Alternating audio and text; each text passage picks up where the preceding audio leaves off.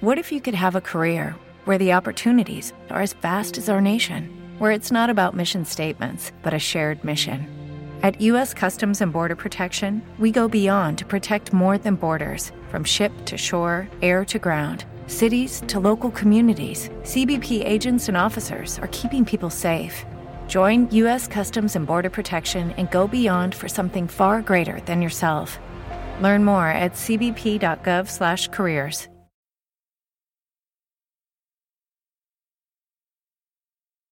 Benvinguts i benvingudes als informatius de la Marina FM.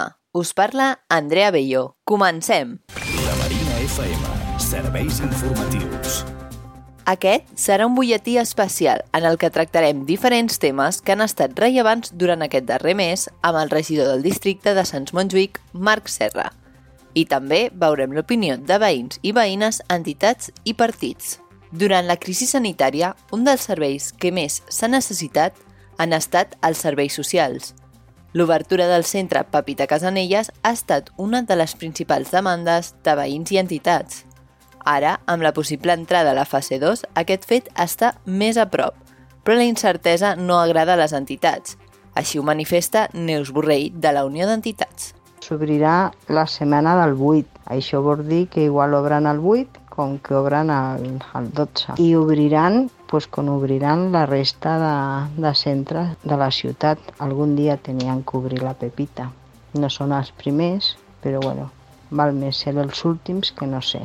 El regidor, per la seva part, ha explicat quins han estat els criteris que s'han anat seguint per l'obertura d'aquests centres. Això no és una qüestió particular de la Marina, sinó que és l'estratègia que s'està seguint tota la ciutat. Les primeres setmanes de màxim confinament el que es va decidir és obrir nous centres en tota la ciutat. El centre de Sants Montjuïc, el districte, era el de Cotxeres de Sants, però tothom, tots els professionals de serveis socials seguien treballant. A partir del 25 de maig es va obrir un segon centre per cada districte, que normalment era el centre més gran, no? i que permetia que més professionals poguessin fer atenció presencial. Aleshores, en aquest cas, el centre del Poble Sec és molt més gran, és un edifici sencer, i permetia doncs, tenir molta més capacitat d'atenció. Justament, aquesta apertura del centre de Poble Sec va aixecar diverses veus com la de la coordinadora d'associacions de veïns, que creuen que les necessitats no són les mateixes a tots els districtes i critiquen que no s'hagi obert també el centre a la Marina. Així ho ha transmès el seu president Abdo Florencio. Van dir que obrien la Poble C primerament perquè són més habitants que la Marina, que segons ells n'hi ha més necessitats que la Marina, i que la sala aquella és més gran i que permet mantindre les mesures de seguretat millor que la Marina. Creiem que la Pepita Casanelles es podia haver obert fa temps. Va ser per una normativa de ciutat i tots els barris de ciutat no tenen les mateixes necessitats. No té la mateixa necessitat les Corts com, com poden tindre la Marina. No pot tindre la mateixa necessitat de Sants com la tenen a Poble Sec. O sigui, cada barri té una necessitat molt diferent. Tot i les demandes dels veïns i veïnes, els aspectes tècnics han impossibilitat aquest fet, ja que les decisions, segons diu el regidor, no estan a les seves mans. Qui pren aquestes decisions no és el districte, tampoc és l'equip tècnic de, de serveis socials, sinó que és des de la part de l'Agència de Salut Pública no? I, i de Protecció Civil, perquè és una decisió sanitària. Per tant, és una decisió absolutament tècnica i jo crec que el que toca és respectar-la no? en un context com, com l'actual. Ara bé, uh, jo coincideixo eh, amb els veïns, volem que obri Pepita Casanella, volem que obri també el Centre de Serveis Socials de Numància, volem que obri tots els centres de serveis socials de la ciutat.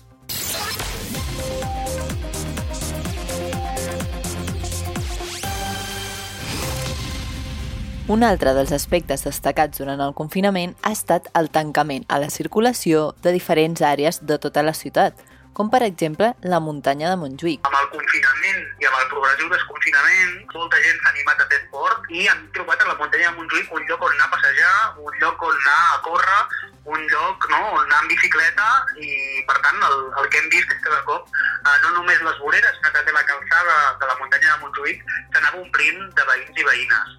Eh, per aquest motiu el que vam voler és que aquesta pràctica esportiva, aquests passejos, es poguessin fer de la forma més segura possible. Per tant, eh, vam creure convenient que s'havia de restringir el trànsit. De fet, han estat molts els veïns i veïnes que han aprofitat aquesta oportunitat per redescobrir la muntanya, com és el cas de la Carmen i la Bea. La verdad es que me ha sorprendido muy positivamente todo el entorno durante este confinamiento. He redescubierto la montaña. Encuentro fantástica la idea que queráis dejarla abierta, pues aunque sea los días festivos o fines de semana, para, para el tráfico peatonal.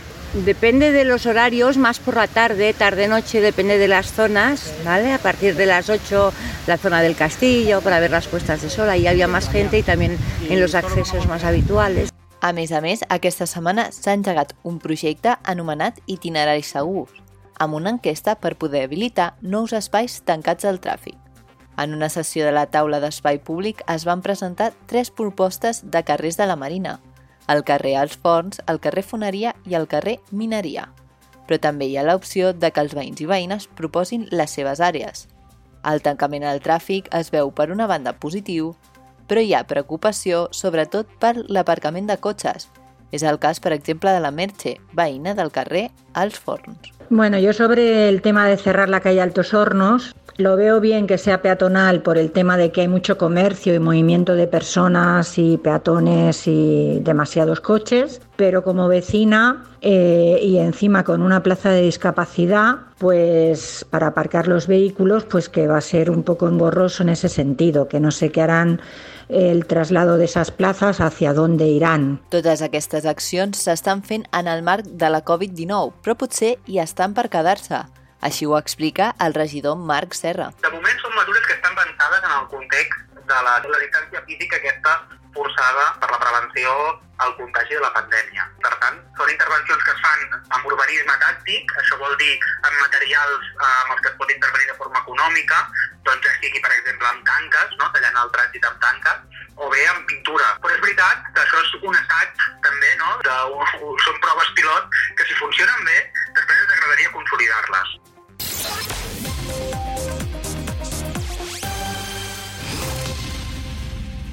comunicació amb veïns i veïnes durant el confinament de manera telemàtica ha estat clau.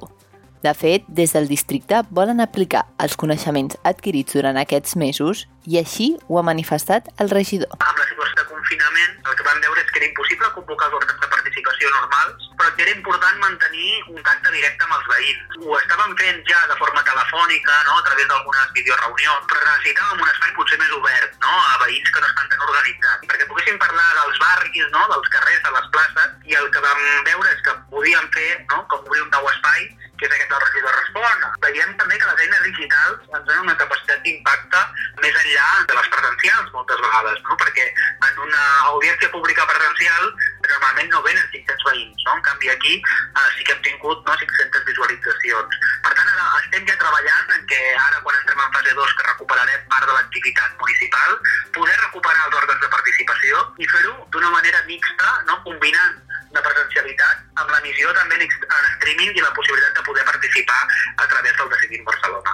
Tot i aquestes propostes, des de l'oposició es critica una manca de comunicació entre partits. Així ho explica la Georgina Lázaro, de Junts per Catalunya. Trobem necessari no, que es vagin articulant espais perquè la ciutadania avui trasllada doncs, totes aquelles demandes i inquietuds doncs, al govern. Nosaltres, per exemple, vam començar amb el plenari i era necessari no, aquests espais també per part de l'oposició doncs, d'impuls i, i de control.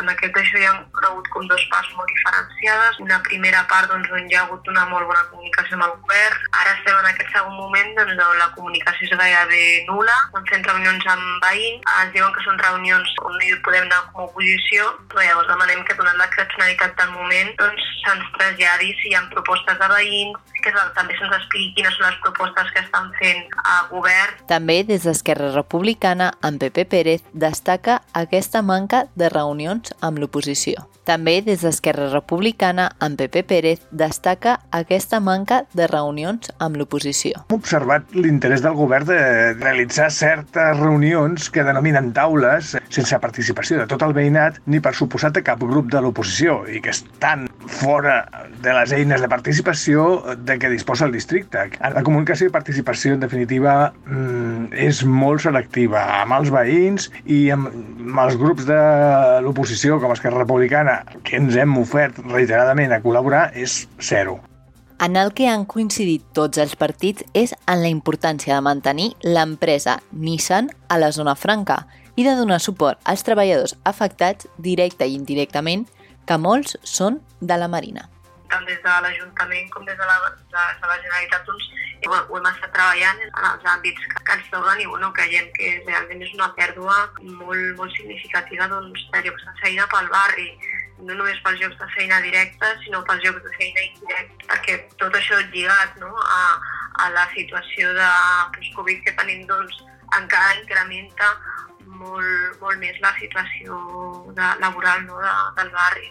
Rebutgem l'oscurantisme i l'oportunisme maliciós de la direcció de l'empresa es prioritza el repartiment de beneficis del gran grup empresarial amb després i menys teniment de la cura dels treballadors i treballadores que han format i formen part del projecte de la companyia. Estem al costat dels treballadors i treballadores a tots els nivells i a tots els faristols on tenim veu, des de la direcció nacional als nostres regidors i consellers de districte i d'aquest mateix barri de la Marina. I cridem a participar de les mobilitzacions i a col·laborar amb la Caixa de Resistència per donar futur als més de 25.000 treballadors i treballadores directe i indirecte directament afectats per aquesta crisi provocada pel sistema. Estem molt, molt, molt, molt, molt preocupats, no només perquè hi ha una de les plantes que està al districte, sinó també perquè hi ha molts veïns que són treballadors, sobretot del barri de la Marina. Aleshores, la postura que tenim com a districte i com a grup municipal i com a govern